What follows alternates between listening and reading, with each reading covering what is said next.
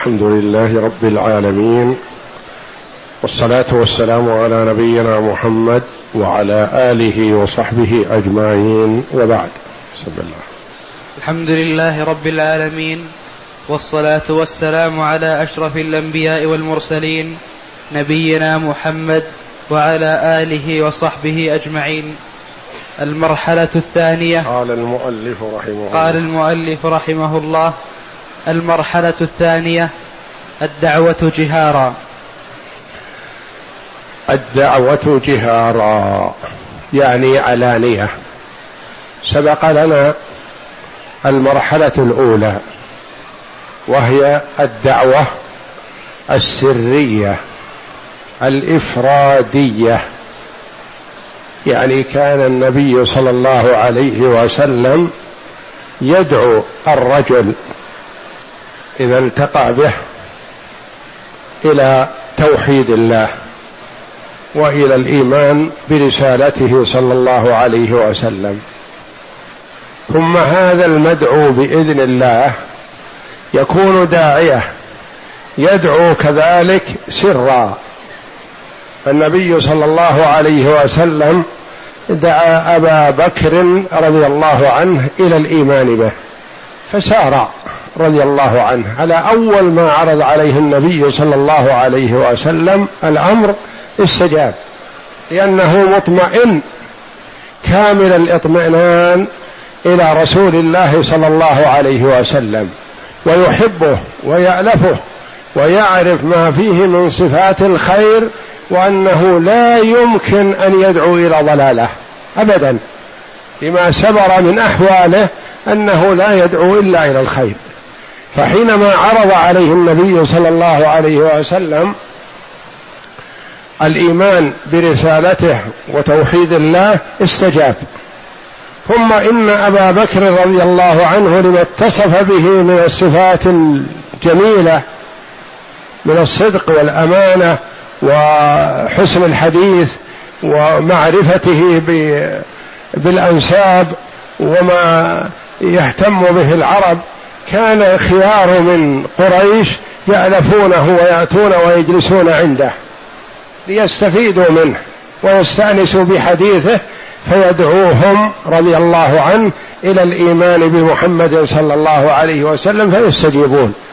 لأنهم عرفوا محمدا صلى الله عليه وسلم منذ صغره وعرفوا أبا بكر والإثنان لا يدعوان إلا إلى خير.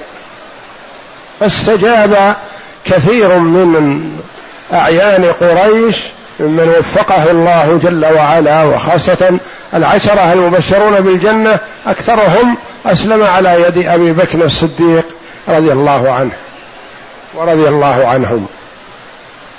وقريش أولا لا تعلم. ثم إذا علمت لما علمت ما اهتمت بهذا كثير الاهتمام. ظنوا أنه مثل غيره ممن له علوم ومعرفة ويتحدث عن صفات الألوهية وعن ما غاب عن الناس مثل ما تقدم مثل قص بن ساعدة ومثل أمية بن أبي الصلت وغيره من كانوا مثقفين وعندهم ثقافة وعندهم علوم وكانوا يمجون ما كان عليه قريش وما كانوا عليه الجاهل يكرهونه. وبأنفسهم فقط لا يتعدى إلى غيرهم.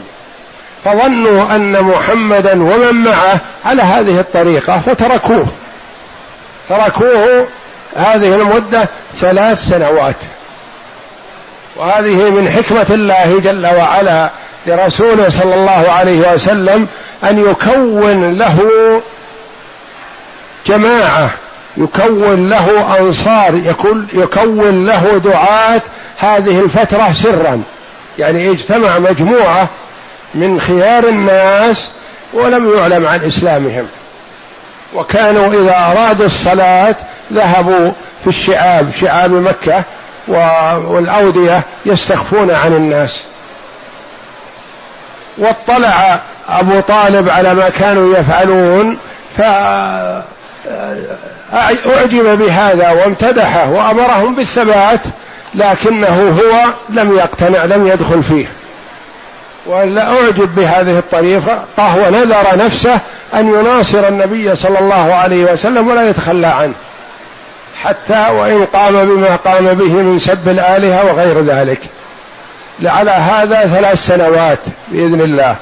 ثم إن الله جل وعلا أنزل على عبده ورسول محمد صلى الله عليه وسلم وأنذر عشيرتك الأقربين. أنذر عشيرتك أنذرهم. النذارة تكون تخويف مما أمام المرء. أنذرهم. والعشيرة قرابه الرجل. يعني كلهم انذرهم لا تخصص من تثق به أعلن دعوتك.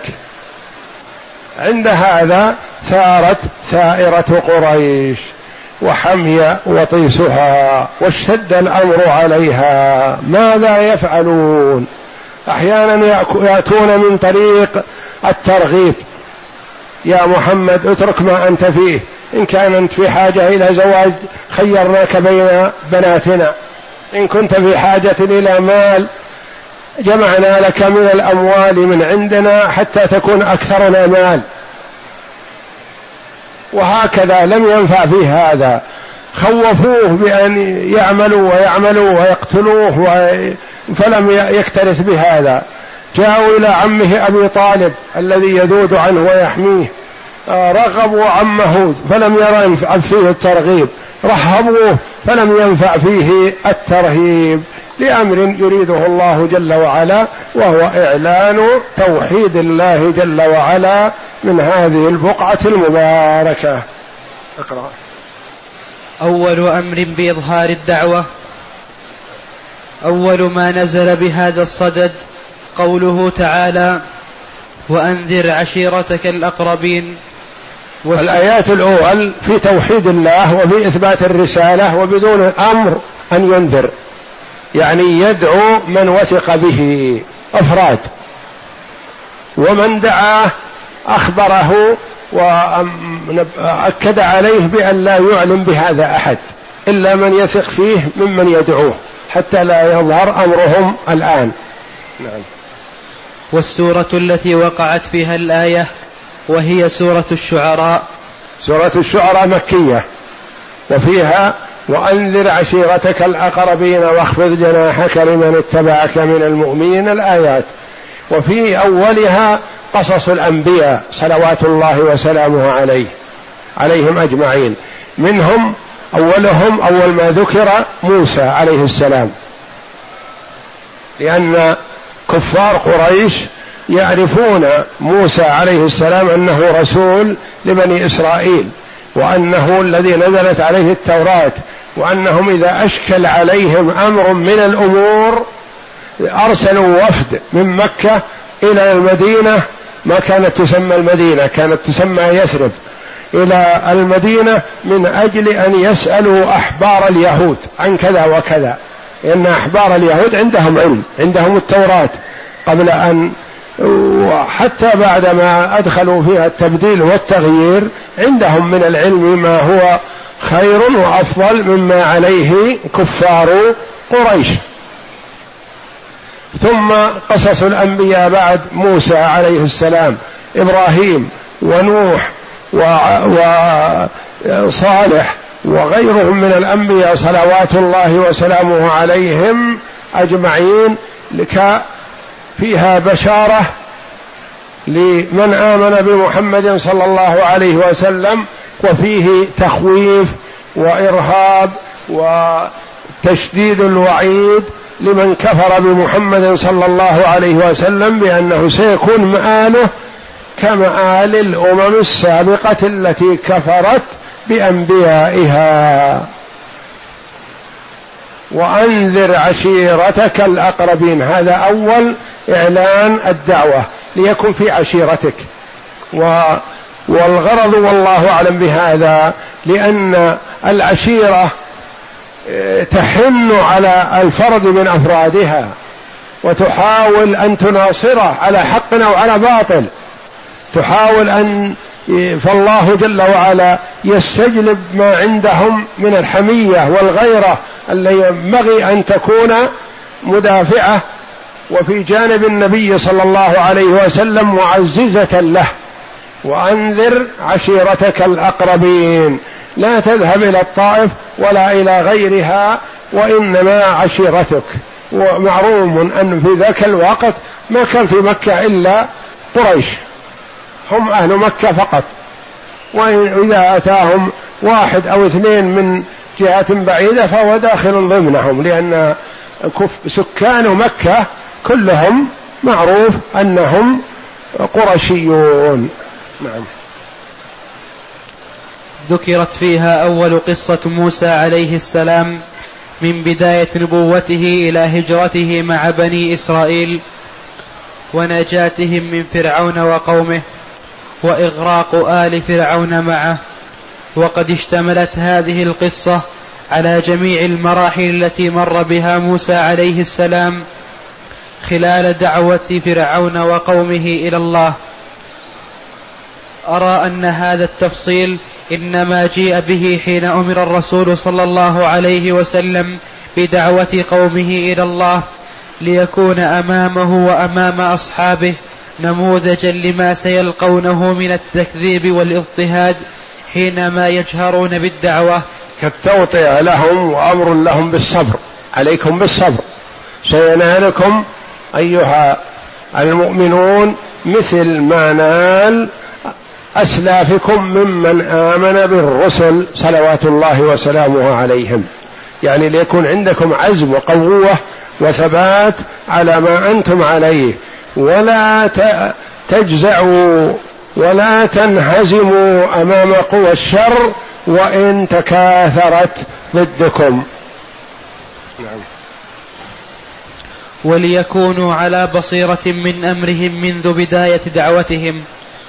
ومن ناحية أخرى تشتمل هذه السورة على ذكر مآل المكذبين للرسل من قوم نوح وعاد وثمود وقوم إبراهيم وقوم لوط وأصحاب الأيكة علاوة على ما ذكر من أمر فرعون وقومه ليعلم الذين سيقومون بالتكذيب بما يؤول إليه أمرهم وبما سيلقون من مؤاخذة الله إن استمروا على التكذيب وليعرف المؤمنون أن حسن العاقبة لهم لا للمكذبين. نعم. الدعوة في الأقربين. وأول ما فعل رسول الله صلى الله عليه وسلم بعد نزول هذه الآية أنه دعا بني هاشم فحضروا ومعهم نفر من بني المطلب بن عبد مناف. بنو هاشم هم أولاد عبد المطلب ابن هاشم. لأن النبي صلى الله عليه وسلم محمد ابن عبد الله ابن عبد المطلب ابن هاشم. هؤلاء بنو هاشم. ينتسبون إلى هاشم. وحضر معهم بنو المطلب. قد يقول بنو المطلب. أليسوا هم بنو عبد المطلب؟ نقول لا. بنو المطلب المطلب هو عم عبد المطلب. المطلب هذا هو أخو هاشم لأن الرسول دعا أولاد هاشم أولاد جد أبيه. وأولاد عم جده. جده عبد المطلب وهؤلاء بنو المطلب أولاد المطلب والمطلب هو عم عبد المطلب. فليس المراد ببني المطلب هم أولاد عبد المطلب لا.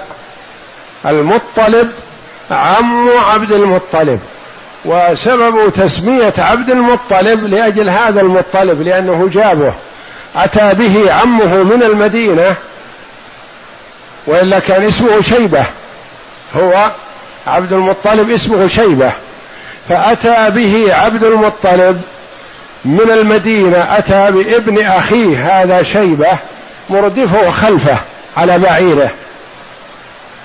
فلما وصل مكة ومعه هذا الغلام وأهل مكة يعرف بعضهم بعض ما هذا من أهل مكة؟ ورأوا عليه أثر السواد قليل من أثر الشمس فقالوا هذا عبد اشتراه المطلب. فقالوا عبد المطلب عبد المطلب. فعلقته عبد المطلب وإلا المطلب عمه وليس هو رقيق للمطلب وإنما هو عمه. فدعا بني هاشم ودعا بني المطلب هذا بنو عم جده. دعاهم لأنهم كانوا مع بني هاشم وكان أولاد المطلب أقرب إلى أولاد هاشم من إخوتهم الآخرين لأن المطلب نفسه هو الذي أتى بعبد المطلب وسلمه الرياسه بمكة. فكان للمطلب الأصل فضل على عبد المطلب فصار بين أولاد عبد المطلب وأولاد المطلب قرابة وحنان وإلف أكثر من غيرهم من بني نوفل وبني عبد شمس وغيرهم من بطون قريش. ولهذا قال النبي صلى الله عليه وسلم إن بني المطلب لم يفارقونا في جاهلية ولا إسلام. يعني كانوا معنا في الجاهلية ومعنا في الإسلام. حتى إنهم دخلوا الحصر الذي حصر فيه بنو هاشم دخل معهم بنو بنو المطلب في آه، الشعب لما حاصرهم كفار قريش ومنعوا أن يبايعوهم أو يشاروهم دخل معهم بنو المطلب. نعم. فكانوا خمسة وأربعين رجلا فبادره أبو لهب وقال حضروا ومعهم نفر من بني من بني المطلب وكانوا قرابة خمسة وأربعين يعني ما كانوا يصلون إلى الخمسين. رجل دعاهم النبي صلى الله عليه وسلم ليبلغهم. وكان الأجدر بهم أن يستجيبوا إنهم يعرفون محمدا صلى الله عليه وسلم بالصدق والأمانة ولا يدعوهم إلا إلى الخير. لكن من سبقت له الشقاوة في علم الله جل وعلا لا ينفع فيه الخير أبدا.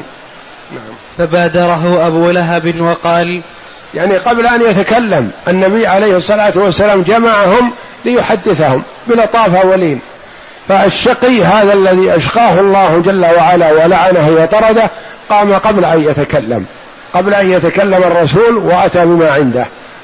فرأى النبي صلى الله عليه وسلم أنه ما دام ابتدأ هذا اللعين بهذا الكلام فلا يحسن الكلام حينئذ. تركهم عليه الصلاة والسلام ولم يكلمهم وقال مرة أخرى إن شاء الله. نعم. فبادره أبو لهب وقال وهؤلاء هم عمومتك وبنو عمك. عمومتك يعني أولاد هاشم بني هاشم. وبنو عمك أولاد المطلب. نعم. فتكلم ودع ودع الصبات. فتكلم ودع الصباه يعني تكلم إن كنت تتكلم بشيء حق وحسن. وأما الكلام الذي فيه الصبوة والجهل الذي تدعو إليه الناس الآخرين فدعه لا تتكلم فيها الآن. وهذا عمه وأكبر منه سنا. ومنعه من الكلام إلا فيما يعجبه. فسكت عليه الصلاة والسلام. واعلم أنه ليس لقومك بالعرب قاطبة طاقة. يعني يقول إنك في كلامك الآن لنا ستقول لنا قول يحاربنا العرب. ونحن ما إحنا على استعداد أن نحارب جميع العرب من أجلك. لا. كن عاقل واترك ما أنت فيه. هكذا يزعم أبو لهب. و وأنا أحق من أخذك؟ يقول أنا أمنعك وأحبسك وأؤدبك لأني عمك.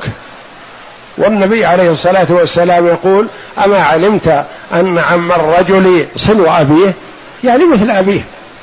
فهو يتطاول على النبي صلى الله عليه وسلم يقول إن لم تترك ما أنت فيه فأنا أولى من يأخذ على يدك ويمنعك قسرا. فحسبك بنو أبيك فحسبك بنو أبيك يعني أغضبت بني أبيك يكفي لا تغضب العرب قاطبة يثور علينا. وإن أقمت على ما أنت عليه فهو أيسر عليهم من أن يثب بك بطون قريش وتمدهم العرب. فما رأيت أحدا جاء على بني أبيه بشر مما جئت به. فسكت رسول الله صلى الله عليه وسلم ولم يتكلم في ذلك المجلس. لأنه تفوه هذا اللعين بهذا الكلام الشقي فرأى النبي صلى الله عليه وسلم أنه من الحكمة أن يترك الكلام لأنه عرف عليه الصلاة والسلام. إن تكلم فسيثور أبو لهب وربما يمد يده وربما تكون مضاربة بين كبار قريش. فرأى أن من الحكمة ما دام تفوه هذا الشقي بهذا الكلام أن يسكت عليه الصلاة والسلام ويترك الكلام لمرة أخرى. ثم دعاهم ثانية وقال فما رأيت أحدا جاء على بني أبيه يعني على أعمامه وأخوانه وأقاربه بشر مما جئت به. يقول أنت جئتنا بشر تجعل العرب قاطبة كلهم يعادوننا. ونحن لسنا على استعداد بهذا فأنت جئتنا بالشر. يقول هذا أبو لهب. نعم. نعم. ثم دعاهم ثانية وقال دعاهم ثانية فاجتمعوا مرة أخرى. وبادر عليه الصلاة والسلام بالكلام قبل أن يتكلم الشقي. نعم. وقال الحمد لله أحمده وأستعينه وأؤمن به وأتوكل عليه وأشهد أن لا إله إلا الله وحده لا شريك له. ثم قال إن الرائد لا لا يكذب أهله. لا يكذب. إن الرائد لا يكذب أهله. الرائد اللي يرسله الجماعة لارتاد لهم. هل حولهم أعداء؟ حولهم ماء؟ قريب الماء بعيد الماء يعني يرسلونه مقدمة ليأتيهم بالخبر الصدق. ويختارون لهذا الأمين الصادق حتى لا يكذبهم. لا يقول الماء قريب فإذا هو بعيد. أو لا يقول ما رأيت أحد بينما فيه اعداء أو يقول أمامكم عدو بينما ما فيه أحد. الرائد يرسله الجماعة ليرتاد لهم المكان وما يريدونه سواء كان مرعى أو معرض ماء أو عدو يتخوفون منه يسبر لهم الموقع ويعطيهم خبره. يقول عليه الصلاة والسلام إن الرائد لا يكذب أهله. يعني الأصل إن من يرسل ليأتي بالخبر الصدق ما يكذب. نعم. والله الذي لا إله إلا هو إني رسول الله إليكم خاصة. وإلى الناس عامة. أقسم صلى الله عليه وسلم بالله وهم يعرفون الله لكنهم لا يوحدونه وإلا يعرفونه ويعبدونه وإذا اشتد عليهم الأمر أفردوا العبادة لله وحده. وإذا كانوا في حال الرخاء بدأوا يعبدون الآلهة مع الله تعالى الله. فأقسم صلى الله عليه وسلم قائلا والله الذي لا إله إلا هو إني رسول الله إليكم خاصة يعني أنتم يا أهل مكة خاصة وإلى الناس عامة فهو رسول الثقلين عليه الصلاة والسلام مرسل إلى الناس قاطبه الجن والإنس. كان هذه من خصائصه صلى الله عليه وسلم أن النبي كان يبعث في قومه. فقط. ورسولنا صلى الله عليه وسلم بعث إلى أهل الأرض كلهم. زيادة على ذلك الجن. هو مرسل إلى الإنس والجن. فهو عليه الصلاة والسلام إلى الناس عامة. وانظر إلى حسن هذه المقدمة.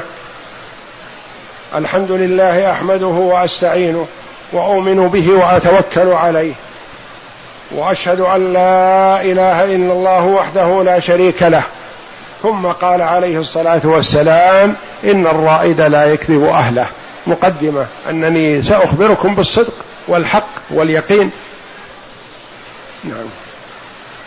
والله لتموتن كما تنامون. يعني يأتيكم الموت مثل ما يأتيكم النوم سواء بسواء ما لكم فيه دفع ولا تستطيعون دفعه. وأتى بهذه المقدمة لأنهم يدركون هذه. يقول تموتون مثل ما إنكم تنامون والإنسان ينام كل 24 ساعة أكثر من ثلثها تقريبا كل نوم. يدري كل يعرف هذا. والله لتموتن كما تنامون مثل النوم. نعم. ولتبعثن كما تستيقظون. كذلك البعث يوم القيامة مثل ما يستيقظ المرء من نومه. نعم. ولتحاسبن بما تعملون. هذا هو المحك والمدعو إليه. لتحاسبن على ما فعلتم. تسألون عما فعلتم. من خير وشر تحاسبون عليه. إذا عملت خيرا تجد ثوابه. إذا عملت شرا تجد عقابه. نعم.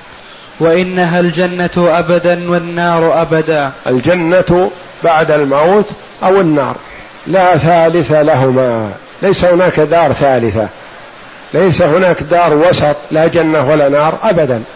إنها الجنة لمن أطاع الله والنار لمن عصى الله جل وعلا. نعم. فقال أبو طالب ما أحب إلينا معاونتك وأقبلنا لنصيحتك وأشد تصديقنا لحديثك. هذا كلام أبي طالب. يمدح النبي صلى الله عليه وسلم ويمدح ما يتكلم به لأنه يتكلم بحق عليه الصلاة والسلام. كل يألف هذا الكلام ويستحسنه. ومعروف آه، حماية أبي طالب للنبي صلى الله عليه وسلم. ولعل أبا طالب سارع في الكلام قبل أن يتكلم الشقي أبو لهب. نعم. وهؤلاء بنو أبيك مجتمعون وإن يقول هؤلاء بنو أبيك يعني هؤلاء جماعتك. هؤلاء أعمامك وأعمام أبيك وأولادهم مجتمعون وأنا واحد منهم. أنا ما أستطيع أني أسارع وأسابقهم أنا واحد منهم. أنا أول من يستجيب وآخر من يمتنع. لكن اعرض الأمر عليهم لعلهم يستجيبون. فقال أبو طالب فقال أبو طالب ما أحب إلينا معاونتك يعني نحب أن نساعدك. نعم. وأقبلنا لنصيحتك وأشد تصديقنا لحديثك وهؤلاء بنو أبيك مجتمعون وإنما أنا أحدهم غير أني أسرعهم إلى ما تحب. أنا واحد منهم ما أستطيع أفرض عليهم. نعم. فامض لما أمرت فوالله لا أزال أحوطك وأمنعك غير أن نفسي لا تطاوعني على فراق دين عبد المطلب. هذه المصيبة العظمى. قال أنا أحوطك وأحميك وأدافع عنك ولن أترك أحدا يؤذيك. ما دمت حيا لكن نفسي غير قابلة لأن أترك دين عبد المطلب. من هو عبد المطلب هذا؟ أبوه لأنه هو أبو طالب ابن عبد المطلب لأنه عم النبي صلى الله عليه وسلم وهو أخو عبد الله شقيق. أخ لعبد الله والد النبي صلى الله عليه وسلم شقيق له من أبويه وإلا أولاد عبد المطلب من أمهات. فقال أبو لهب ما امرت فوالله لا أزال أحوطك وأمنعك غير أن نفسي لا تطاوعني على فراق دين عبد المطلب. وكان النبي صلى الله عليه وسلم حضره عند الوفاة وقال له يا عم قل كلمة أحاج لك بها عند الله. قل لا إله إلا الله كلمة أحاج لك بها عند الله. فعنده جلساء سوء. حضروا قالوا أترغب عن ملة عبد المطلب؟ ما قالوا لا تطعه. أو محمد ليس بناصح. أو محمد كذاب. يعرف أنه ناصح وأنه ليس بكذاب. أتوه من حيث يدرون أنهم يدركون ما يريدون منه. أترغب عن ملة أبيك؟ يعني أتك أترضى أن تخزي أباك تقول إن أبوي على الباطل وأنت تسلك طريقة محمد. أترغب عن ملة عبد المطلب فاستمر النبي يكرر عليه وأولئك يدعونه إلى ملة عبد المطلب والاستمرار عليها. فآخر ما مات هو على ملة عبد المطلب. فقال النبي صلى الله عليه وسلم لأستغفرن لك ما لم أنه عنك. وأنزل الله جل وعلا ما كان للنبي والذين آمنوا أن يستغفروا للمشركين ولو كانوا أولي قربى. من بعد ما تبين لهم أنهم أصحاب الجحيم. ونزل في حق أبي طالب خاصة إنك لا تهدي من أحببت ولكن الله يهدي من يشاء. الهداية ليست بيدك. التوفيق والإلهام وهداية القلوب والاستقامة على الطاعة بيد علام الغيوب. بيد الله جل وعلا المتصرف في القلوب. وإلا الدعاة إلى سبيل الله بالحكمة والموعظة الحسنة يبينون ويرغبون لكن ما يستطيعون أن يلقوا الإيمان في القلوب. وقد جاء في الهداية آيتان من كتاب الله ظاهرهما عند من لا يعرف الحق ويعرف المراد التعارض. إنك لا تهدي من أحببت ولكن الله يهدي من يشاء. هذه واحدة. الآية وإنك لتهدي إلى صراط مستقيم. هذه الثانية. واحدة تقول إنك لا تهدي والثانية تقول وإنك لتهدي إلى صراط مستقيم. وهل يمكن أن يكون هناك تعارض بين آيتين من كتاب الله؟ ابدا والله. اذا تهدي إلى صراط مستقيم يعني تدل وترشد وتدعو وتوضح هذا.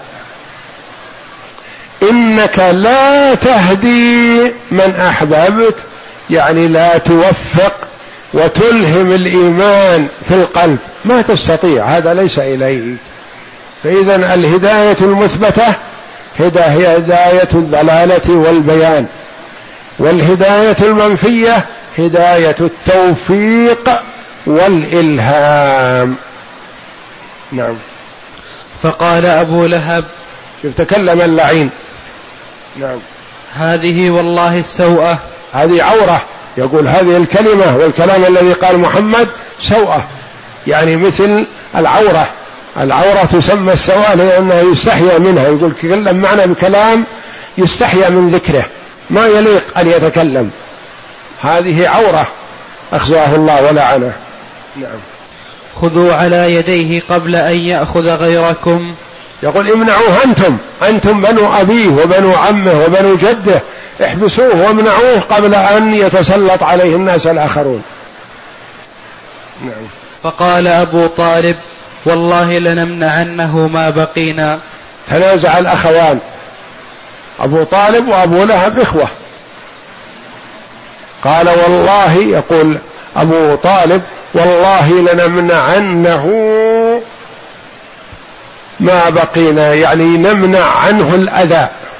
والله نمنع عنه الأذى ما بقينا. ما نترك أحد يؤذيه لا أنت ولا غيرك. نعم. على جبل الصفا. مرة أخرى دعوة النبي صلى الله عليه وسلم على جبل الصفا. نعم. وبعدما تأكد النبي صلى الله عليه وسلم من تعهد أبي طالب بحمايته وهو يبلغ عن ربه قام يوما على الصفا فصرخ صرخ بأعلى صوته يعني نادى. كان كانوا إذا أراد أو أحد منهم أن يظهر أمرا أو يعرض عرضا أو نحو ذلك ينادي لأن ما في اجتماع في صلاة ولا في اجتماع في أمر. فينادي في الناس فينطلقون يسارعون لأنه غالبا ما يناديهم إلا من يريد أن يبشرهم أو ينذرهم أو يعرض تجارة أو يعرض اقتراح أو أمر من الأمور فهم يسارعون. نعم. فصرخ يا صباحا. فاجتمع إليه بطون قريش. هذه المرة اجتمع عليه بطون قريش لأن بطون قريش كثيرة. ما هو مثل المرة الأولى بنو هاشم وبنو المطلب اجتمع إليه بطون قريش الكثيرون. نعم. فدعاهم إلى التوحيد والإيمان برسالته وباليوم الآخر. وقد روى البخاري طرفا من هذه القصة عن ابن عباس قال لما نزلت وأنذر عشيرتك الأقربين صعد النبي صلى الله عليه وسلم على الصفا فجعل ينادي يا بني فهر. يا بني فهر. فهر معروف أحد أجداد آه القرشيين. نعم. يا بني عدي. يا بني عدي. يا بني عدي. بني عدي هم الذين ينسب إليهم عمر بن الخطاب رضي الله عنه. لبطون. قريش. يعني كل بطن من بطون قريش يناديه باسمه حتى يجتمع الجميع. نعم. حتى اجتمعوا فجعل الرجل إذا لم يستطع لم يستطع أن يخرج أرسل رسولا لينظر ما هو. لما يعني سمع الصوت وسمع النداء الذي لا يستطيع منهم أن يخرج لأمر من الأمور يرسل ولده أو غيره يقول انظر ما الأمر وائتني بالخبر. اذهب واسمع واتني بالخبر. ما الذي صار؟ نعم. فجاء أبو لهب وقريش فقال أرأيتكم لو أخبرتكم أن خيلا بالوادي تريد أن تغير عليكم أكنتم مصدقي؟ قالوا نعم ما جربنا عليك إلا صدقا. يعني ما كنت معروف عندنا إلا بالصدق. كيف نكذبك؟ حينما كنت شاب صغير نصدقك وأنت الصادق الأمين والآن بعد ما تجاوزت الأربعين نكذبك وهو معقول. هذا هو الأقرب والأولى. نعم. قال فإني نذير لكم بين يدي عذاب شديد. فقال أبو لهب تبا لك سائر اليوم ألهذا جمعتنا؟ فنزلت تبت يدا أبي لهب وتب. هذه السورة العظيمة هذه آية عظيمة ومعجزة لمحمد صلى الله عليه وسلم وبرهان بين واضح على أن القرآن من عند الله. انظر في أول البعثة أنزل الله جل وعلا تبت يدا أبي لهب وتب. أبو لهب واحد من مئات كفار قريش الذين تصدوا بالعداء لدعوة محمد صلى الله عليه وسلم. ثم بعد ذلك من الله عليهم بالإسلام والإيمان. عمر بن الخطاب رضي الله عنه ممن حارب الدعوة في أول أمرها. عمرو بن العاص ممن حارب الدعوة في أول أمرها. خالد بن الوليد ممن حارب الدعوة في أول أمرها رضي الله عنهم وأرضاهم. سهيل بن عمرو ممن حارب الدعوة في أول أمرها. أبو سفيان بن حرب حمل حملا عظيما ضد محمد صلى الله عليه وسلم ودعوته. وكل هؤلاء آمنوا من الله عليهم بالإيمان وما نزل في سبهم شيء لأن علام الغيوب يعلم أنهم سيؤمنون ويكونون من أنصار الدعوة. أبو لهب أنزل الله في هذه الآيات لعلمه تعالى أنه لا يؤمن. مات على الضلال والكفر والعياذ بالله. وإلا نزلت في أوائل ما نزل من القرآن تبت يدا أبي لهب وتب. وسبه وسب امرأته. وأخبر جل وعلا أنه سيصلى نارا ذات لهب. يعني هو من أهل النار قطعا. بخبر الله جل وعلا وهو حي يمشي بين الناس. يعني أن الله يعلم أنه يموت على الكفر والضلال. ولا أحد يعلم عن الحي بأن يقول مثلا إن هذا من أهل الجنة أو هذا من أهل النار إلا ما يأتي من الله جل وعلا. محمد صلى الله عليه وسلم ما يدري أن أبا سفيان هذا الذي حمل الألوية لعداوة محمد صلى الله عليه وسلم يكون أول من يقاتل في الردة. أول من قاتل المرتدين كما نقل بعض المؤرخين أبو سفيان. كان اميرا في نجران وأرسله النبي صلى الله عليه وسلم اميرا في نجران. جاء بعد وفاة النبي صلى الله عليه وسلم في الطريق ورأى ناس مرتدين فقاتلهم. قاتلهم قال أنتم تعبدون محمد أم رب محمد؟ هو أنكم محمد مات لكن هو إلهكم إلهكم إله الله الإله الحق إله محمد وغيره. فأنتم تعبدون الله وقاتلهم على ردتهم وهو من عرف بشدة العداوة للنبي صلى الله عليه وسلم. والله جل وعلا بين أبا لهب بأنه سيصلى نارا ذات لهب وامرأته حمالة الحطب في جيدها حبل من مسد. سبه وسب امرأته. وكما تقدم لنا أنها لما علمت بنزول هذه السورة هي العوراء وهي أخت أبي سفيان. هي أخت أبي سفيان. فلما علمت بنزول هذه السورة جاءت ومعها فهر حجر كبير. فجاءت تبحث عن النبي صلى الله عليه وسلم لتضربه بالحجر. ترد رأسه تفضخ رأسه بالحجر. فجاءت ورأت أبا بكر جالس والنبي عليه الصلاة والسلام بجواره. أعمى الله بصرها من أن تراه. فقالت يا أبا بكر أين محمد؟ وتسميه مذمم. مذمم يعني أنه من ذم وليس بالحمد مذمم سمعت أن محمدا أنه هجاني. أين هو؟ قال وما تريدين به؟ قالت أرده بهذا الحجر. والنبي عليه الصلاة والسلام أعلى قدرا من أن يجابه هذه المرأة الجاهلة. فقال أبو بكر رضي الله عنه والله ما هجاك. وما ترى النبي عليه الصلاة والسلام وهو بجواره والله ما هجاك. قالت إنك لصدوق يا ابا بكر. إنك لصدوق ما دام حلفت إنه ما هجان فأنت صادق وانصرفت. وصادق أبو بكر رضي الله عنه ما هجاها محمد وإنما سبها الله جل وعلا من فوق سبع سماوات. تبت يدا أبي لهب وتب ما أغنى عنه ماله وما كسب. يعني هو يفتخر بماله لأنه كان غني.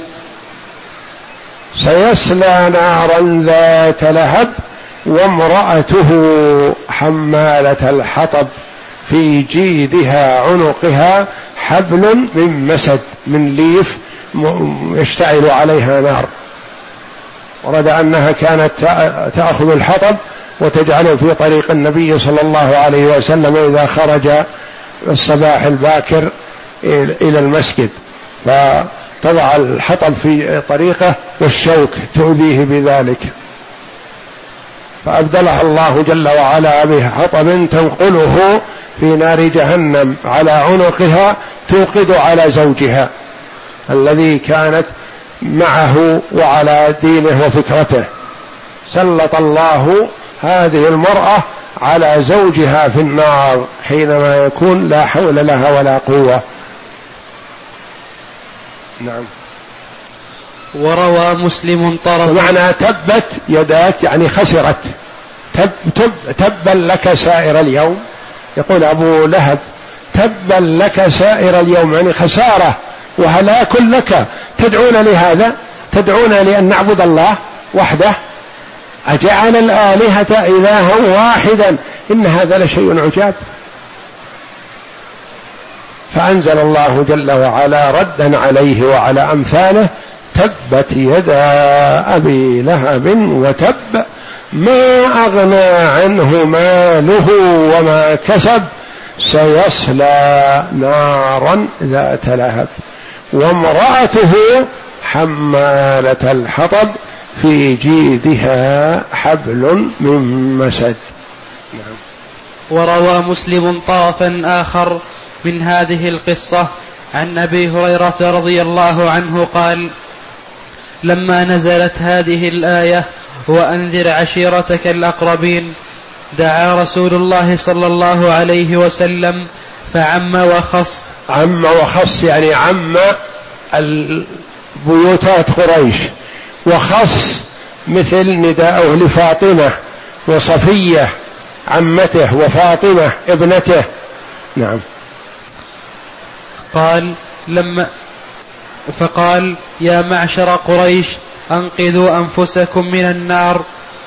يا معشر بني كعب أنقذوا أنفسكم من النار. يا فاطمة بنت محمد أنقذي نفسك من النار. فإني والله لا أملك لا أملك لكم من الله شيئا. نعم ما يملك عليه الصلاة والسلام لهم من الله شيئا وإنما يدعوهم إلى الله ويرغبهم فيما عند الله. أما أن يدخل أحدا الجنة أو يدخل أحدا النار فلا هذا ليس إليه. نعم. إلا أن لكم رحما سأبلها ببلالها. إلا أن لكم رحم. يعني أنتم رحمي وأنتم قرابتي وأنا أحرص ما أكون عليكم. أحرص عليكم وكما أنه حريص على المؤمنين كلهم فهو على قرابته أكثر عليه الصلاة والسلام. نعم. هذه الصيحة العالية هي غاية البلاغ. فقد أوضح الرسول صلى الله عليه وسلم لأقرب الناس إليه أن التصديق بهذه الرسالة هو حياة الصلات بينه الصلات بينه وبينهم وأن عصبية القرابة التي يقوم عليها العرب ذابت في حرارة هذا الإنذار الآتي من عند الله. يعني أنه لا يتعصب لهم وإنما يرغب فيهم أن يعبدوا الله وحده. وإلا من كفر بالله. لو هي فاطمة بنت محمد ما يستطيع أن ينفعها بشيء. فاطمة ابنته ما يستطيع أن ينفعها عليه الصلاة والسلام. وإنما هو يدعوهم إلى الله ويرغبهم فيما عند الله. ومن آمن به فهو حبيبه ومن كفر به فهو عدوه كائنا من كان. المؤمن حبيب الله حبيب رسوله صلى الله عليه وسلم لو كان أبعد الناس والشقي المعرض الكافر هو عدو الله وعدو رسوله وإن كان أقرب قريب عليه الصلاة والسلام. والله أعلم وصلى الله وسلم وبارك على عبده ورسوله نبينا محمد وعلى آله وصحبه أجمعين.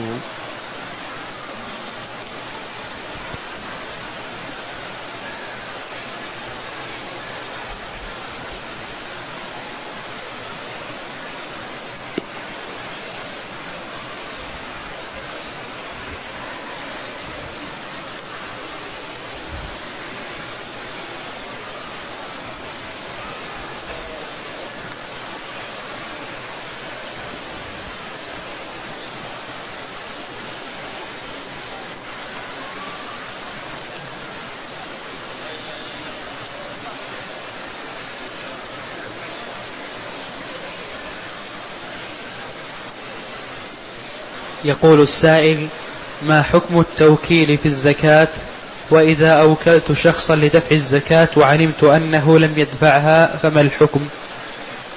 أولا ما ينبغي للإنسان أن يوكل في دفع الزكاة إلا من يثق به ويعرفه ولا يعطيها لأي شخص لأنه يخشى أن لا يدفعها. ثم إذا علم أنه لم يدفعها فلا تبرأ ذمته. لأن الله جل وعلا ما أمرك أن تسلمها إياه فتبرأ ذمتك. إذا سلمتها للإمام تبرأ ذمتك. ما عليك. دفعها أو لم يدفعها الإمام. لأنك مأمور بأن تدفعها للإمام. لكن إذا سلمتها إلى زيد من الناس فأكلها وعلمت عن ذلك ما تبرأ ذمتك وعليك أن تطالبه بما عنده.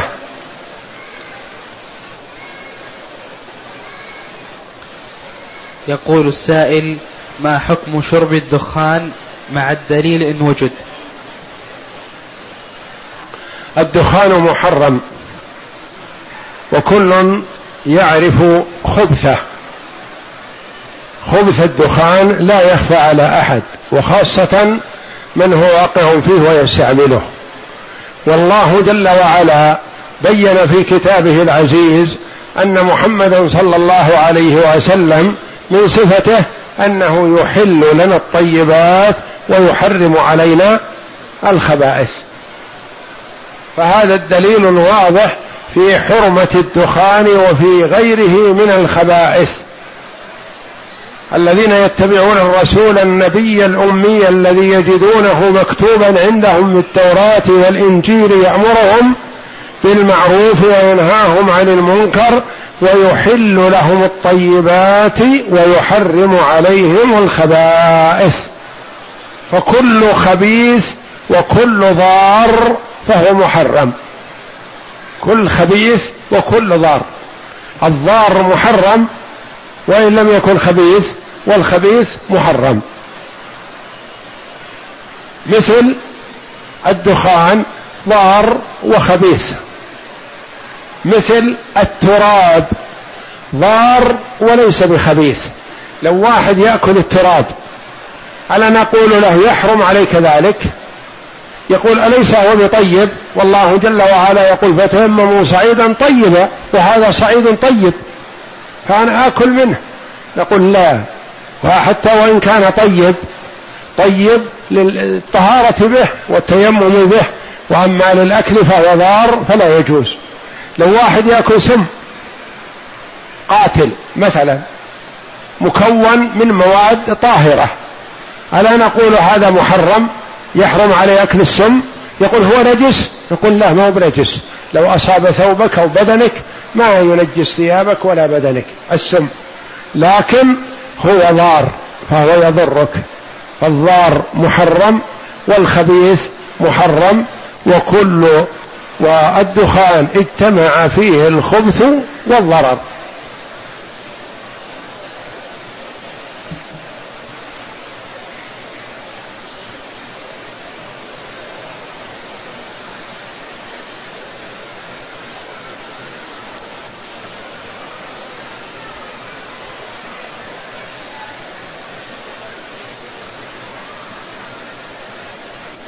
يقول السائل أنا مقيم بمكة المكرمة ويأتونني بعض الأشخاص بمبلغ من المال كي أؤدي عنهم العمرة لمن لا يستطيع بسبب مرض أو نحوه فهل إذا إذا اعتمرت باليوم الواحد لثلاثة أشخاص أو أقل من ذلك أو أكثر فهل هذا جائز؟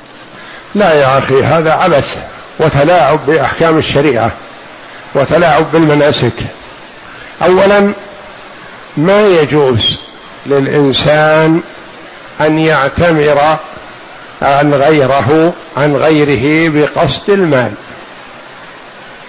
ممن يأخذ الدنيا عوضا عن العمل الأخروي. ما يجوز للإنسان أن يأخذ المال ليعتمر عن الغير ما دام قصده المال. هذا من ناحية. ثم إن هذا الذي أعطاك قد يعطيك المال لأجل أن تبحث له عن الصلحاء والأخيار. فتأخذه أنت لنفسك. هذه خيانة. فلا يجوز مثل هذا ولا يجوز التلاعب بالمناسك. والواجب على المسلم أن يعرض عمله على كتاب الله وسنة رسوله صلى الله عليه وسلم وهدي السلف الصالح. ما كانوا عليه يسير عليه بإذن الله. وما لم يكن من هدي السلف الصالح يتركه خشيه أن يضل ويهلك بهذا.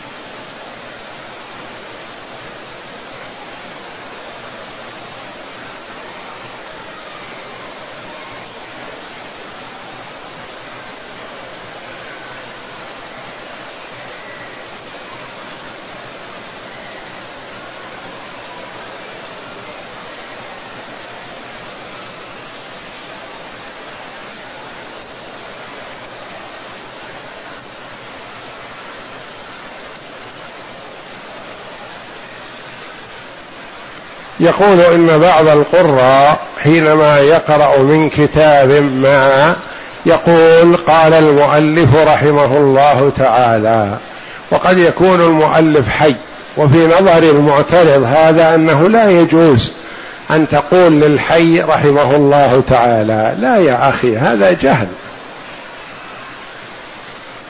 ألست أنت بنفسك تدعو ربك أن يرحمك ويرحم والديك تقول اللهم ارحمني برحمتك.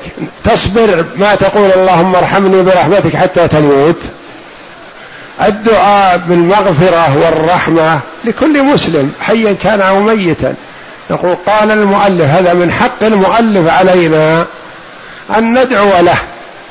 ندعو له في مبدأ ما نقرأ من كتاب نقول قال رحمه الله نرجو الله له المغفرة والرحمة وهو حي يرزق أو ميت. فما ينبغي الاعتراض أن يكون الإنسان يحب الاعتراض على شيء لا صحة له ولا يليق بمثله.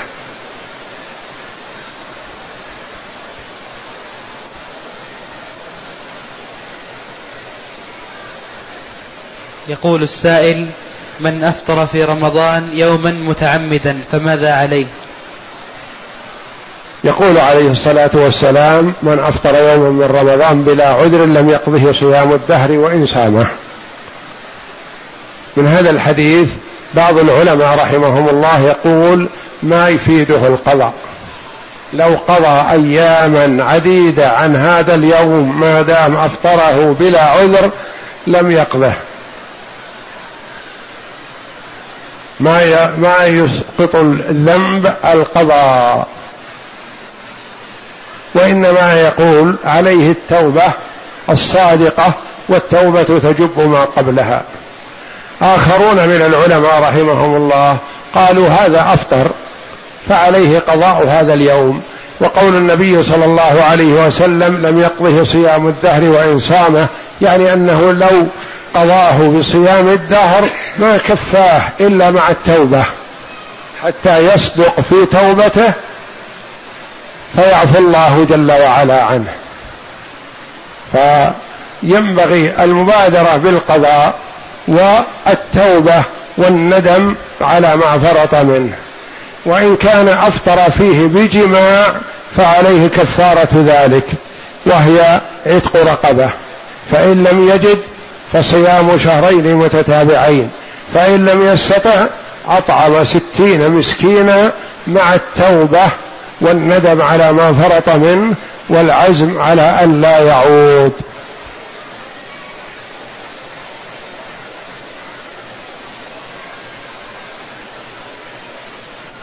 يقول السائل ما حكم شرب الماء قائما؟ يجوز لأنه ورد أن النبي صلى الله عليه وسلم شرب قائما.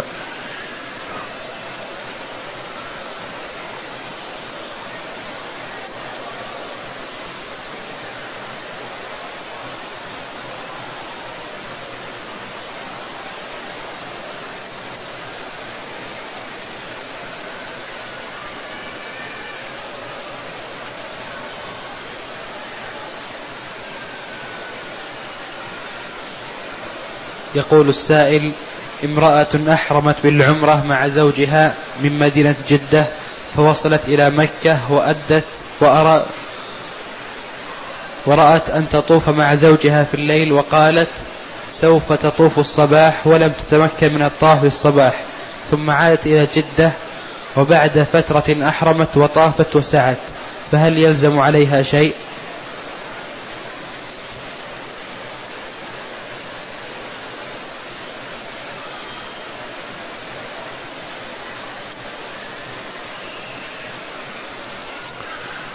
المرء إذا دخل في نسك حج أو عمرة يجب عليه إتمامه ولا يجوز له قطعه حتى وإن كان نفلا.